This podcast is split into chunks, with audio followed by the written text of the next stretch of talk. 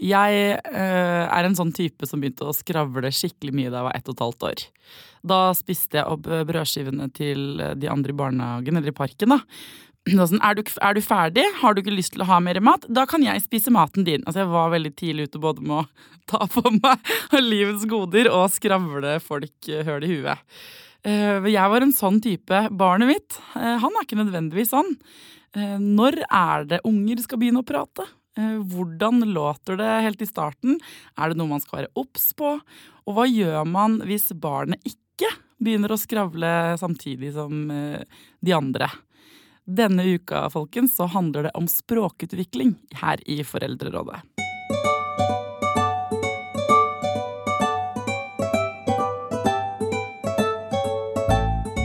Hjertelig velkommen til Foreldrerådet, Britt Hauglund. Du er logoped i grunnskolen i Bærum kommune. Mhm. Du, Når er det egentlig barn vanligvis begynner å prate? Eh, da vet jeg ikke riktig hva du mener. For når du sier prate, så tenker du kanskje på ord. Ja. Eh, men eh, de prater jo med lyder også lenge før de begynner med ord. Og aller først så starter kommunikasjonen, ja. Som skal ende opp i tale. Og Og kommunikasjonen den starter med en gang barnet er født. hvordan ser man det da, da? Det er blikkontakt. Barnet ligger eh, Når du ammer eller mater barnet, så ser det på deg. Og så ser du på barnet inn i øynene. Og så ser barnet litt vekk. Og så kommer det tilbake igjen. Og det er den første turtakingen. Og den kontakten som skapes der, det er den du skal bygge videre på når du skal eh, hjelpe barnet i språkutviklingen. Men øh, så begynner de etter hvert å lage litt lyder, eller det gjør de jo helt fra de er små, og sier sånn Det kalles babling, og det kan vi også si veldig mye om. Hva er det, da? Det er eh, en utprøving av lydene som barnet klarer å lage, og det er felles for alle språk i hele verden. Er det det? Ja. Og så etter hvert som barnet klarer å fange opp språket rundt seg, så vil det miste de språklydene som ikke hører til det språket som det hører, og så vil det eh, perfeksjonere de lydene som det hører. Men altså, øh, betyr det at alle babyer i hele verden, uansett hvor de er fra, øh, babler likt? Ja. Men det vil jo ikke si at det er så veldig mange forskjellige måter, fordi det begynner med jo at du beveger kjeven, og da treffer kjeven leppene. Og da kan du jo tenke deg hva det blir. Ba, ba, ba, ma, ma, ma, ba, ba. Ikke sant? og så begynner det å bruke tungen. Na, na, na, na, na, na, da, da, da, da, da, ta, ta, ta, ta, ta. Med og uten stemme. Og så løfter tungen seg opp bak. Kanskje det ligger slik at det er lettere å løfte tungen bak. Aga, ga, ga, ga, ka, ka, ka, ka, ka, ka. Og så kombineres disse bevegelsene, og så blir det til ord etter hvert som, og det er viktig, barnet trenger en stimulans, og det hører og etteraper. Det er egentlig prinsippet. Og da kan vi også si at alle barn babler frem til seks–syv måneder, selv om de har nedsatt hørsel og er døve. Så babler de like fullt. Men så stopper det opp, fordi det får ikke den feedbacken fra omgivelsene som det trenger. Fordi det hører ikke. Det hører ikke. Så har du ører, det var det et lite barn som sa til meg, ja, men da trenger jeg jo bare ører, da. Ja! Det du hører, det gjør barnet automatisk uh, tilbake. Så når de er ferdig med, altså når de begynner å uh, produsere lyder selv og etterape omgivelsene, da er det viktig å snakke til dem, da. Veldig viktig. Og se på dem. Samtidig. Ikke Ja. se på telefonen. Ikke se på telefonen. Og det har vi jo også en undersøkelse på, hvor barnet har kontakt, blikkontakt med moren, og har turtaking. Og så ser moren vekk, hun får jo beskjed om det da i dette forsøket. Så ser moren vekk, og hun får ikke lov til å sette blikket tilbake på ungen for de skal se hvordan den reagerer. Og ungen blir urolig først, så fortvilet, og noen har begynt å gråte. Så den blikkontakten, den er kjempesterk. Veldig kontaktskapende. Man kan jo ikke se på babyen sin. Altså, ikke, til mobilens forsvar her, men man kan jo ikke alltid se på babyen sin. Nei, og det er viktig. Ikke bare det at du ikke alltid kan se, men du kan aldri være perfekt. Nei, takk og lov for at Ja. du sier 'elsker' når eksperter sier det der til meg. Du skal leve et liv, Og du skal også være fornøyd, og da må du få lov å gjøre de tingene som du liker. Men det er det å finne balansegangen mellom å dekke barnets behov og dine egne behov. Men burde man skravle med dem hele tiden når de er små? Eh, nei, altså pauser er like viktig som tale. Og barnet kan godt ligge i fred eh, og lytte til alle lydene rundt seg. Du behøver ikke snakke til barnet. Eh, og du kan godt være stille. Stillhet er uh, undervurdert. Så det er ikke sånn du skal sette på radioen for at barnet skal ha selskap hele dagen? liksom? Nei. Men uh, etter hvert, da, når du begynner å formulere ord, hva er det liksom, uh, når pleier det å være de første ordene å komme? og hva pleier det å være? nei, det er jo de nærmeste ordene som barnet hører. Men en sier at mellom 18 og 24 måneder så begynner de første ordene å komme. Men normalen er veldig vid, sånn at noen kan prate tidligere og noen senere uten at det er noe unormalt i det. Det en også sier, er at mellom ett og to år så etablerer barnet masse ord, og når du kan 50 ord, så begynner det å sette sammen de ordene i toordsytringer. Mm. Og det er rundt to år, sånn rundt omkring. Men så er det toåringer som ikke sier noen ting i det hele tatt. Så normalen er kjempevid, men de fleste er sånn som jeg sa nå. Så, ja, for Jeg hørte en regel som var sånn ett år, ett ord, to ord Nei, to år, to ord, og ja, så videre. Og tre år, tre ord. Ja. ja. Og så kan noen på tre år ha mange ord, og noen få uten at det er noe galt. Og så kan man selvfølgelig spørre ja, men når kan vi se at det er noe galt, eller noe å bekymre seg for? Ja, for det tenker jeg at mange tenker. Og man, det er jo liksom konkurranse på alt. Man, altså selv om man ikke er en konkurranseinnstilt person, så opplevde jeg i hvert fall at det var sånn Kan han legge seg på ryggen enda? Kan han snu seg? Kan han krabbe? Har han sagt noe? Kan han sitte selv? Altså alle de der mm. tingene, spesielt de første årene, da. Mm. Hvor man konkurrerer litt med omverdenen. Eller det føles litt sånn. Så når er det man skal begynne å bekymre seg, da? Eller kanskje sjekke det ut? Jeg vil vel ikke si at det er nødvendigvis bare et tidspunkt, men mer hva du hører, og øh, hvordan du hører det, selvfølgelig. Men øh, innen de to første årene, så hvis det kommer noen lyder fra barnet da, så vil jeg si at det er greit. Eh, bekymringen melder seg vel ofte ikke før ved tre, tre år. Det kommer an på Hvis det ikke er noen lyder, så må en jo tenke hørsel. Ja. Det er det første. Mange barn har jo mellomørebetennelser, tette ører, og det kan være med på å forsinke språkutviklingen. Og særlig mødre og fedre som følger barnet hele tiden. Du kjenner jo barnet ditt så godt at du reagerer ikke fordi, fra den ene uken til den andre hvis det er litt mellomørebetennelse eller væske i mellomøret. Eh, og vi tolker. Det er også et faresignal. Det kommer med noen ytringer, og så tolker vi, og så er det kanskje en forsinkelse, i hvert fall når de blir større, da, eh, som hvor vi tror de er bedre enn de egentlig er. Men det er vel mer når de blir litt større. Ja, for Min lillesøster husker jeg da hun var liten, hun hadde vann i mellomøret. Men det oppdaget ikke mamma og pappa eller vi andre, for vi skjønte jo hva hun sa. Men vi hørte en gang sånn orr! Hvor er du? Or, at hun hadde ikke v-lyd. Mm -hmm. eh, og så var det en dag hun sa sånn Mamma, du må snu deg. Jeg ser ikke hva du sier. Og da tenkte hun du ser ikke hva jeg sier, da må vi gå til doktoren. Og da oppdaget vi jo det, men det tok, da var hun ganske altså Hun var fire, i hvert fall fire, sånn fire-fem år ja. eller noe. Det kan jeg godt tenke meg. Det ordna seg, det. altså Hun snakker helt fint nå. Men når vi skal erte henne, så sier vi jo For hun snakket jo veldig sånn da hun var liten. Litt sånn babyaktig? Ja. ja. Snakket litt babyaktig. Ja. Men så sa du akkurat nå noe interessant, for du sa men nå snakker hun jo helt ålreit. Og der er det noe vi skal tenke, som jeg syns er viktig fordi jeg jobber i skolen. Eh, språk har to nivåer. Det ene er dagligtalen, hvor vi gjør oss forstått og skaper kontakt med omgivelsene. Men språk er også et verktøy for læring.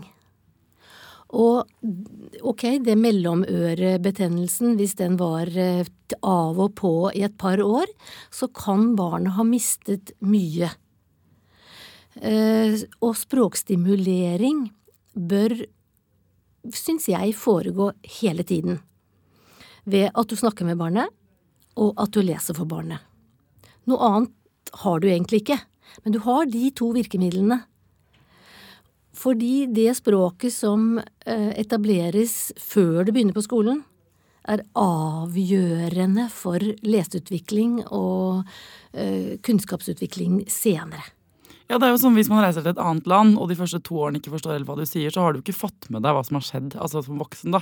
Det er jo som et, altså Språk er jo nøkkelen til alt. Absolutt. Så hva kan man gjøre da, hvis man oppdager da, eh, at oi, det kanskje har, barnet mitt har hørt dårlig i flere år? Man blir jo sikkert litt redd for hva den har gått glipp av. Ja, altså det som har skjedd, det har skjedd. Det tenker jeg at ikke bekymre deg over det som har vært. Tenk heller ok, sånn er det nå, da begynner vi fra nå.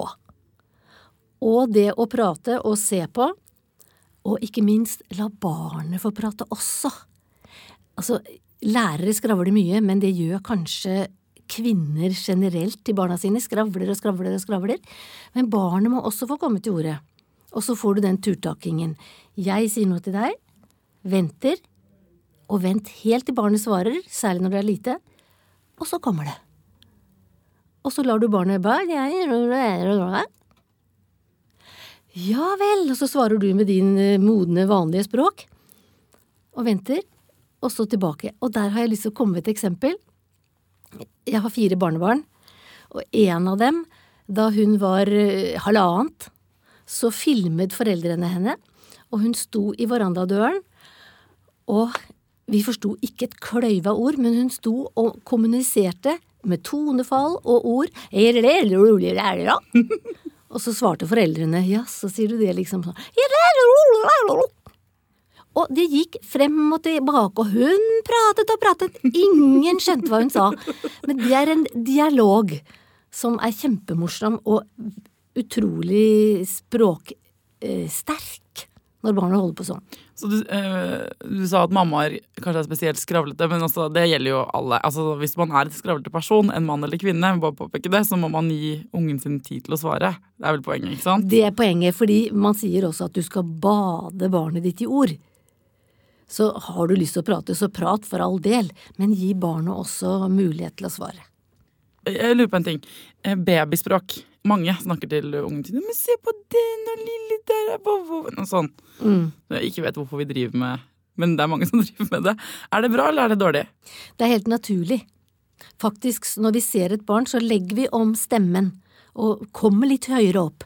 Eh, jeg skal ikke påstå det, men jeg mener jo å ha hørt at barnet oppfatter faktisk lysere toner bedre. At det er litt sånn fra naturens side.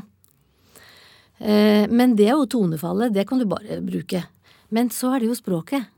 Noen sier eh, masselassen eller eh, vovvoven eller tutteluten eller masse, bruker sånne ord ja, sånne som man tror barnet da skal forstå lettere. Selv om barnet ikke kan uttale ordene ordentlig, så bruk Du er jo modellen. Barnet skal strekke seg mot det du sier, så du må bruke de ordene som passer for deg, og som er vanlig språk. Jeg merker at mitt barn smitter meg. Han er jo fem og et halvt, og han sier for eksempel. Så nå har jeg begynt å si for eksempel eh, på jobb. Og det, og det ble jeg arrestert på her i dag. Så jeg men da tar vi for eksempel den presentasjonen. Ikke sant? Det går jo ikke. Men det går begge veier litt, det der. Altså, det er ikke noe krise. Og jeg vet om familier som har eh, barnas uttrykk som sånne sayings hjemme, hvor de sier det som barnet sier, og, men så går det over, så det er jo ikke noe krise, og man kan jo godt få lov til å ha det litt gøy. ja, det er bra. Eh, men uh, hvilke ting bør man være obs på da, sånn helt i starten? La oss si at eh, barnet er uh, 24 måneder av to år, og det har ikke kommet så veldig mange lyder ut. Og så har man fått sjekket av dette med ørene, og det er ikke det som er Det er ikke noe galt der. Hva, hva, hva gjør man da? Ingenting. Ingenting? Nei. Da bare fortsetter man å prate og la, venter og ser. Og i hvert fall når hørselen er i orden. For jeg har jo selv et barnebarn som heller ikke sa noe særlig før han var to år. Og noen venter enda lenger, og så plutselig så kommer alle ordene på en gang, og de er helt ferdige. Ja, det har jeg hørt om sånne at Når de først åpner munnen, så kommer det da sånne perfekte, lange setninger ut. Det kan det være. Altså, det normale er veldig hvitt man må ikke bare se på naboens barn eller fetteren eller skystenbåndet på Gjøvik. Men ditt barn Og når du prater med barnet, og gjerne leker med det eh, Ja, nå kjører jeg bilen bortover der, og så kommer du derfra. Ja, og så kommer den, og så kom, Ikke sant, så bare svarer du barnet Selv om barnet ikke sier noe, så legger du ord i munnen på den og lager en samtale.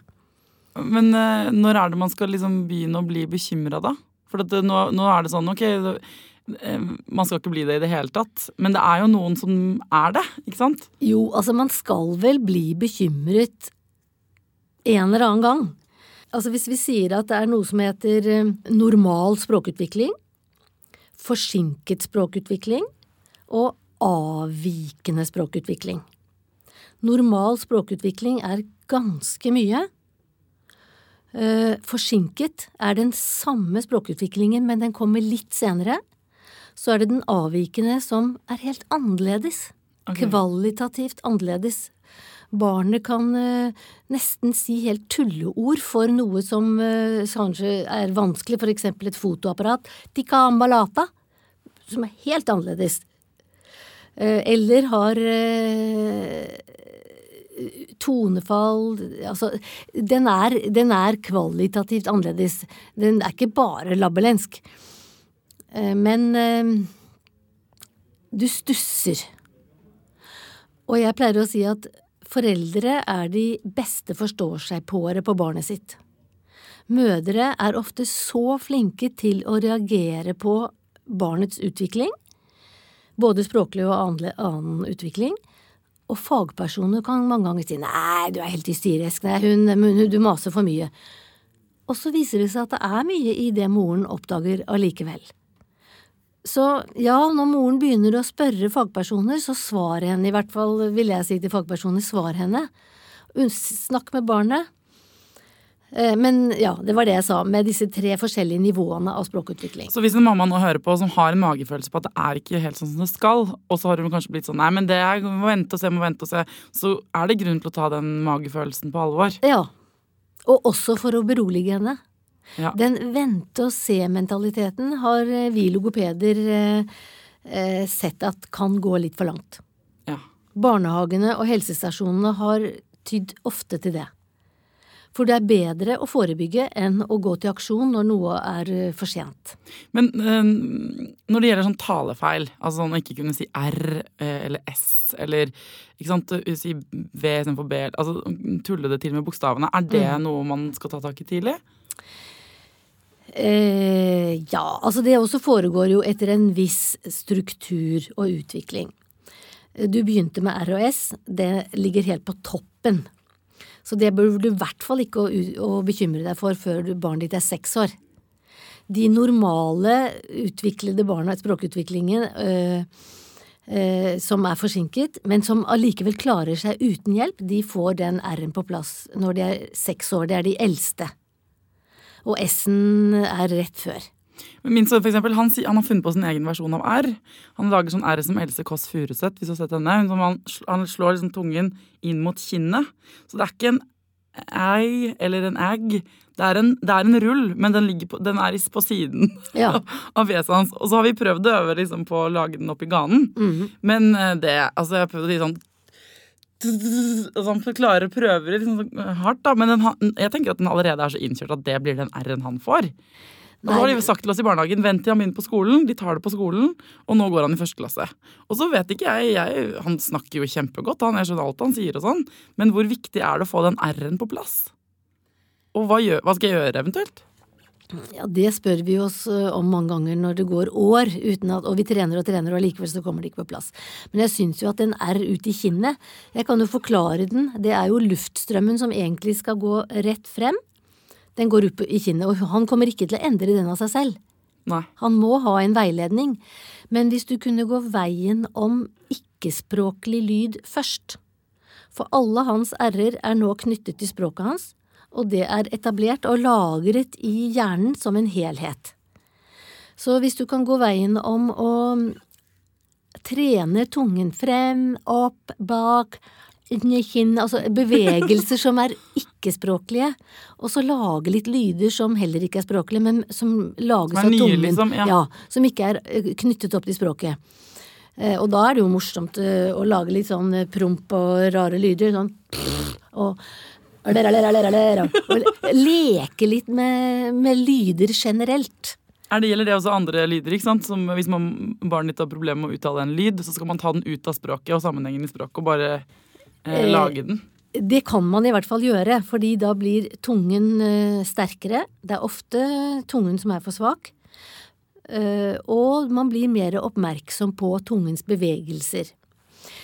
Men så er det da Det er også to grupper uttalevansker. Den ene er Den sitter bare i munnen.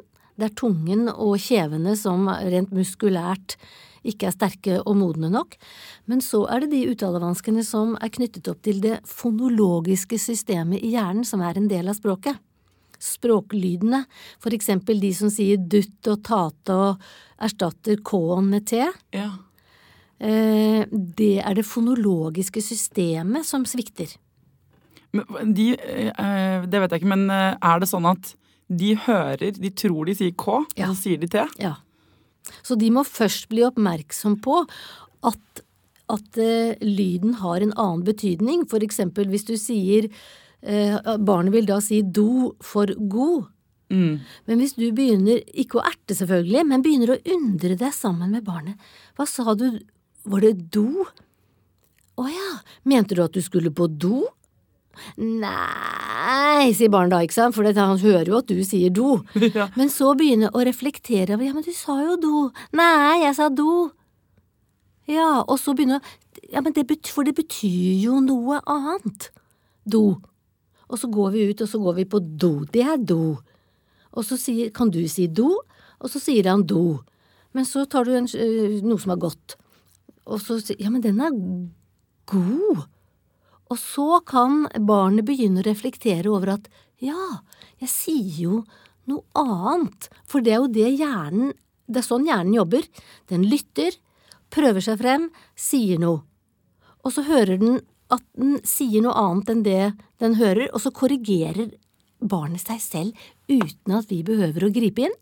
Uten, ja, det er sånn hjernen fungerer. Den er helt fantastisk. Det er imponerende. Det er imponerende. Man må også påpeke forskjellen uten jo. å være ertete, liksom. Ja. Og vise dem helt klart forskjellen. Og når det går inn at det er ulikt for barnet, så vil hjernen hjelpe til her. Ja. ja. Det er rimelig fantastisk, spør du meg. Ja, det er helt utrolig. Hjernen slutter aldri å imponere meg. Jeg har fått en mail fra en lytter av Foreldrerådet som gjerne vil at jeg skulle snakke om språkutvikling. Fordi hun uh, opplevde at hennes sønn uh, har vært treigt ute. Forsinket språkutvikling, vil jeg tro, nå som du har ryddet opp i disse begrepene. Mm. -hmm. og så er det jo et eller annet med status, eller sånn mestring, som ligger inni der. At man, barn som er gode til å prate, kanskje får mer applaus. Eller, de, de, blir sett veldig mye, og wow, for et vokabular, og han er så god til å uttrykke seg, eller hva det nå er. da. Mens eh, det motsatte selvfølgelig da skjer, eller kan oppleves som vanskelig da, for foreldre som har litt, eh, barn som er litt eh, senere utvikla på, på det språkmessige. Så er det mm, noe vi burde være obs på, eller gjøre noe med? Hva tenker du om det? Det er kjempeviktig det du sier. For vi, det er ikke til å komme forbi at noen barn er utstyrt med bedre språklige forutsetninger enn andre, selv om det er innenfor normalområdet. Og de som er godt utrustet for å få et godt språk, de vil bruke det tidlig, og de vil kommunisere, få feedback og respons som stimulerer til videre utvikling. Ikke bare ros, men de får jo respons. De skjønner jo at språket deres er funksjonelt. Og de som ikke er så gode, de vil jo prøve sitt, de òg, men de vil ikke få den samme feedbacken. Og heller ikke oppleve at språket er så funksjonelt, fordi det er ingen som reagerer så voldsomt på det de sier. Kanskje de sier litt uh, enkle setninger, og så syns ikke man det er så veldig mye å mase med. Sånn at alle barn trenger jo respons og feedback, ikke bare ros men respons på det de sier. Og det er ofte en fin respons er å gjenta det barnet sa, og kanskje etterpå utvide den setningen. For eksempel barnet sier der er en bil. Ja, det var en fin bil, eller det var en rød bil, eller den bilen kjørte jammen fort. Så får barnet respons på at ja, jeg sa riktig at det var en bil, og så får den noe mer å eh, stimulere seg på og utforske videre på. Den kjørte fort. ja. Og så kan man kanskje si er det noe annet som kjører fort? Men ikke forklare, men bare bruke ord og bruke språket hele tiden. Tenker du at vi som foreldre er litt, sånn, litt lite bevisste på dette her? Ja, men det er jo fordi eh, språk er jo helt naturlig. Eh, vi går ikke rundt og er bevisst på å spise heller, vi bare spiser når vi er sultne, vi snakker når vi skal snakke. Det er veldig lite som er bevisst. Men eh, kunnskap om det er fint når barnet trenger det. Vanligvis så trenger ikke foreldre vite så veldig mye om dette. Nei, det går bra. Men, er, men sånn til de som da eventuelt er litt uh, usikre eller merker at barnet ikke er så liksom, først i klassen på pratinga, da, eller uh, i babygruppen eller hvor det nå er, så kan dette her være gode råd. Altså det å gå inn, liksom, være litt bevisst sånn i dialog. Øyekontakt, bygge videre. Ja oppmuntre dem til å skravle, liksom. Ja. Men du nevnte klassen. Da er vi plutselig over på skolen. Og der trengs det virkelig mer bevissthet og kunnskap rundt språk, også blant lærere. På hvilken måte da, tenker du? Eh, noen kan tolke barn som litt sjenerte og tilbakeholdne hvis de ikke sier så mye i timen. Og de er populære, for å si det sånn, blant lærere, fordi de skaper jo ikke noe bryderi. Men barn som er stille, øynene følger med, og de får med seg alt som er, men de sier lite, kan ha noe vansker med språk og uttrykke seg. Og da er det å få dem med på banen. Eh, så kan du spørre ja, hva skjedde på skolen i dag, da? Er det få barn som forteller om hva som skjedde på skolen? Ja, Det gidder de ikke å svare nei, på. Nei, og de husker det kanskje ikke heller, og de er slitne. Men um, mer istedenfor å stille spørsmålet Uh, ja, i dag var det jo noe med uh, gym, eller dere skulle jo på svømmekurs i dag. Da har jeg ikke stilt et spørsmål, men jeg har innledet til en samtale ved å snakke om det jeg vet som skjedde på skolen. Det var kanskje mange som eh, kunne svømme allerede, undrer man seg. Undreteknikken er veldig fin. Nei, sier barn da, så er de i gang. Og var det ikke mange som kunne svømme? og så svarer kanskje bare barnet nei. Og så stopper det fordi barnet har ikke, vet ikke hva det skal si, og så må moren eller foreldrene eller hvem det nå er, stimulere videre. Jaså, så de kunne ikke svømme, nei, men var det det dere skulle lære, da? Ja. Og så svarer barnet kanskje med ja og nei, men når du er aktiv med språket og gir det språk, så lærer det jo, for det får en modell. Ja, vi skal lære å svømme, ja. Det vet barnet selv, men det kan ikke få sakte bestandig. Ja, vi skal lære å svømme. Den setningen kan være vanskelig for noen, å være, å være bevisst på at det er sånn jeg skal formulere den. Kanskje noen vil si vi svømte. Ikke sant? Mm. Og der kan vi være med å stimulere ved at vi ikke stiller spørsmål, men prater med dem. Så hvis man da er litt bekymra av en eller annen grunn, enten det ene eller det andre, i forhold til språk, hva gjør man? Altså, hvor, hvor kan man henvende seg hen? Du kan, eh, Når barna går på skolen, så henvender du deg til kontaktlæreren. Eh, og kontaktlæreren eh, skal da ha tilgang til logoped. Alle, logo, alle kommuner skal ha tilgang til logoped, men de har det ikke. Ok. Nei. Men loven sier at det skal de ha. Så hvis de ikke har det, så må allikevel kommunen eh, skaffe en logoped, da, gjennom andre kommuner, eksempel, et interkommunalt samarbeid. Eh, men eh, hvis det stopper opp, og så sier eh, læreren, kontaktlæreren at nei, vi har ikke logoped, ikke gi deg da. Eh, da må du be om å få en samtale med PP-tjenesten, en kontakt med PP-tjenesten. Og så må de vurdere det du er bekymret for, og så kan de være enige eller uenige, kanskje de kan si at eh, nei, en R, hvis det bare er en R i første klasse, det får vi vente med. Eh, men hvis det er G og K, han sier dutt og tate i første klasse, så er det et mye større problem, fordi det rammer det fonologiske systemet. Eh, og da bør PP-tjenesten være såpass gode faglig at de sier ja, vi er enig, dette trenger du en logoped til. Og så må den som er ansvarlig i kommunen, ofte er det hos oss, så er det et ressurssenter, eller eh, det kan være Ja, hvem kan det være? Det, skolen skal jo kunne formidle. Eh, men hvis de da ikke har en logoped, så kan de også få det dekket gjennom en privat logoped. Foreldrene skal ikke betale noen ting, men det dekkes via den private som får det dekket gjennom Helfo.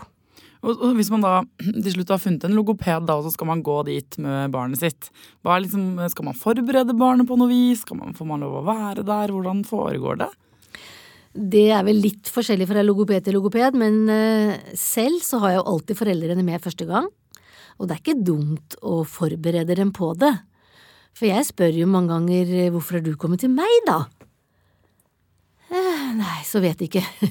Men de fleste, i hvert fall når det er en R og en S, og det er jo det de fleste strever med, så sier de at jeg kan ikke si R, jeg eksempel. Men er det sånn at de skammer Altså er det noe For jeg tenker at hvis, man, hvis jeg sier til min sønn da, du kan jo ikke si R, vi snakker jo av og til om den R-en, mm. så kan han bli litt sånn beskjemmet. Jeg husker før han begynte på skolen, og så var han sånn Jeg vil lære meg det til jeg begynner på skolen. Mm. Så jeg, men eh, jeg skjønner akkurat hva du sier, og vi kan trene på det. Og så var han litt lei seg på tampen av sommeren da når han ikke hadde naila den eh, R-en, ikke sant. Ikke mm. fått det til helt. Så jeg tenker sånn, Hvor mye skal man fokusere på det uh, i forhold til barna? Så skal man fortelle dem at det, du snakker på en feil måte, liksom? Eh, nei, det behøver du ikke å si. Eh, men eh, før man er så bekymret at man tenker på logoped, så kan man også der begynne å lage disse lydene. Gå rundt, ikke nødvendigvis stå oppi ansiktet på, nei, på barnet og si nå må du si Trine, da. Trine tror. Og så si det sånn som jeg sier det, og så maser man og stresser. Men du kan jo si det for deg selv. Eller når du snakker, så kan du eh, For tull og tøys, det tar barnet fort. Ja, hva skal vi eh, Skal vi tralle og trulle litt? Du begynner å overdrive r-ene dine selv, og så Ja, men mamma, du snakker så rart. rart. Gjør jeg det? Snakker jeg rart? Det kan jeg ikke skjønne. Ikke sant? Og så får dere en samtale rundt det. Ja, og så er jo denne hjernen da er, den, er, det bare rett før, så kan hjernen ta det. Fordi det blir fokusert. Og samme S-en. Men ikke nødvendigvis. Men kan ikke du si rart, da? Og så prøver barnet Hjart. Ja, så sier du bare rart hjart. rart hjart. Oi, var det likt det vi sa? Nei, var jo ikke helt likt. Nei, jeg sa sånn, og du sa sånn. Og så leker vi litt og kaster ordene frem og tilbake til hverandre. Så i hvert fall, barna er da oppmerksom på at jeg kan ikke si R. Men er det sånn at skarre-R er lettere uh, å lære? Den er lettere å lære. Så det kan liksom være, hvis uh, man ikke kommer ut av ei, eller uh, i vårt tilfelle R i kinn, så kan man, så kan man si R? Jeg vil ikke si. Er det et alternativ? Det. I, liksom? Ja, i siste instans så er det et alternativ. Eh, men ikke med en gang, syns jeg, fordi at det skal kunne gå. De fleste får det jo til, selv om noen faktisk bruker flere år. Ja. Men det tror jeg er litt mangel på trening. Så man må rett og slett trene? Man må trene masse. Hva, hva tenker du at er det viktigste liksom, vi som foreldre, eh, helt vanlige foreldre, ikke sant, eh, skal tenke på i forhold til språk? For at ungene våre skal bli gode til å prate for seg? Vær bevisst på at det er du som er forbildet. Du er det som barnet hører og ser, og barnet strekker seg mot det det hører og ser. Barnet har ingenting i seg selv, det er bare omgivelsene. Så både atferd, oppførsel, tale, alt sammen, det tar jo barnet fra dem, de nære personene. Det er litt skummelt, altså. At, så, at man har så mye påvirkningskraft. Men det er helt uh, sant. Når det gjelder øh, hvis man har øh, flere språk i familien, ja. Eh, hvor mye kapasitet har barn? Skal, skal, man bare snakke sine respektive språk i heimen, eller hva er liksom beste metode? Eh, det beste er jo å ha ett morsmål. Og hvilket morsmål er ikke så farlig. Noen har to, og de fleste barna, normale barn med normal språkutvikling, de klarer flere språk på en gang. Og de har faktisk nytte av det. Så det at det er flere språk i heimen, det bør ikke være til bekymring. Hvis barnet har ikke så gode språklige forutsetninger, så pleier man heller å si at ja vel, så tar det litt lengre tid før de får alle disse språkene på plass. Men det å ha flere språk er faktisk nyttig, fordi hjernen igjen jobber med De sammenligner disse språkene, og bøyningen var sånn der, og bøyningen var sånn der. Det er jo ikke bevisst, men hjernen er på det hakket. Sånn at det er jo derfor mange sier at nynorsk er så fint å ha i skolen, fordi vi profitterer på det. Ja, Det hadde jeg ikke hørt før. Altså, jeg, hadde ikke, jeg hadde hørt at noen ville ha nynorsk i skolen, men hadde ikke hørt at det var et godt argument for det. Men er det, jeg har lest et eller annet sted, det kan hende dette er en myte, at barn har sånn en vanvittig kapasitet til å lære språk i forhold til voksne. Mm. At frem til de er syv år eller et eller annet sånt, så kan de lære massevis. Ja, fordi hjernen er så plastisk i begynnelsen. Den er så bevegelig, og så stivner den mer og mer. Og når du er syv år, så er den ganske stiv. altså, disse nervebanene og bevegelighetene, de går ikke så fort og kjapt. Så man burde liksom lære dem franske gloser eh, tidlig. Ja, og det er jo derfor vi har begynt med engelsk i første klasse nå. Før så begynte vi jo, da jeg gikk på skolen, så begynte vi i sjette. Ja. Sier noe om hvor gammel jeg er. så de burde egentlig bare utsettes for mange språk. Ja. Helt eh, fra de er små. Ja. Vi lærte fransk sang i barnehagen, husker jeg. Og den franske sangen, den satt jo Jeg skjønte jo ingenting av den, men det var uh, uh, Frère Jacques. Ja. Fader Jacob. Ja. Eh, så man kan lære sanger, eksempel. Og telle og sånn. Det er jo det de begynner med. For å oppsummere én setning, så er det bare å kjøre på med masse språk og dialog. Ja. Dialog! Kjempefint, for dialog er jo frem og tilbake. Det er deg og meg og deg og meg. Lytte, snakke, lytte, snakke. Du, Tusen, tusen takk for at du kom til Foreldrerådet, Britt. Veldig hyggelig å få lov til å snakke om språk, som er så viktig.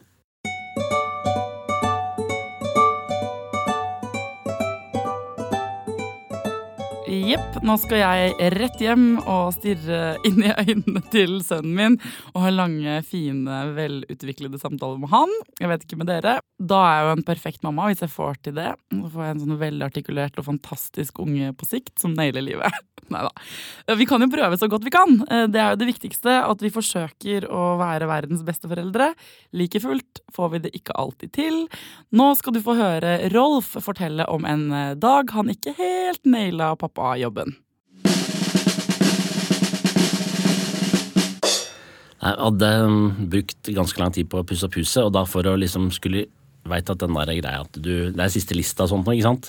Så vi hadde da sovet i kjelleren hele familien på fem, på flatseng, et halvt år, og så hadde vi pussa opp huset. Og Gutta hadde fått hvert sitt rom, eh, og veggene var sparkla, og gulvet var nylagt. Og så skal jeg hjem og legge dem aleine, da. Da er det altså en fireåring og to toåringer. Um, og det Vi får pussa tenner, men liksom det er ene stikker dit, og den andre stikker dit, og av med pysjen, på med pysjen, av med bleia, på med bleia, og til slutt da så ligger den på sitt, hvert sitt rom, i hvert fall. Og så er det mer roping. Og da var jeg så frustrert at jeg går ut i øynene og bare sparker i gulvet og sparker i veggen. Og den jeg har brukt en halvt år på å sparkle, det er da høl i veggen. Det er tidenes dårligste far, altså. Men det hender jo at der skjønner jo gutta det, da. Det er jo det verste.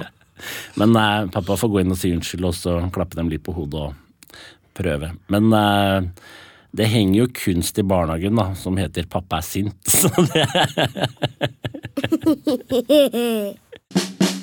Ja, Det er ikke lett, ass. I hvert fall ikke med det her med oppussing. Jeg, synes, eh, jeg gir unison trampeklapp til alle dere som setter i gang med sånn oppussing mens man har småbarn.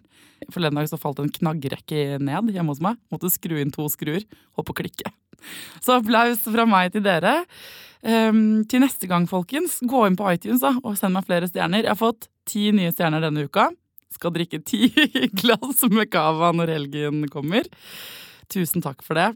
Uh, jeg liker dere veldig veldig godt. Fortsett å sende meg mail uh, og meldinger på Facebook uh, på foreldrerådssiden der. Jeg tror jeg kan si det at alle som ønsker seg et tema i en episode, de får det. Kanskje ikke med en gang, men de får det på sikt. Til neste gang, folkens, ta vare på dere sjæl, ta vare på ungene deres, og lykke til.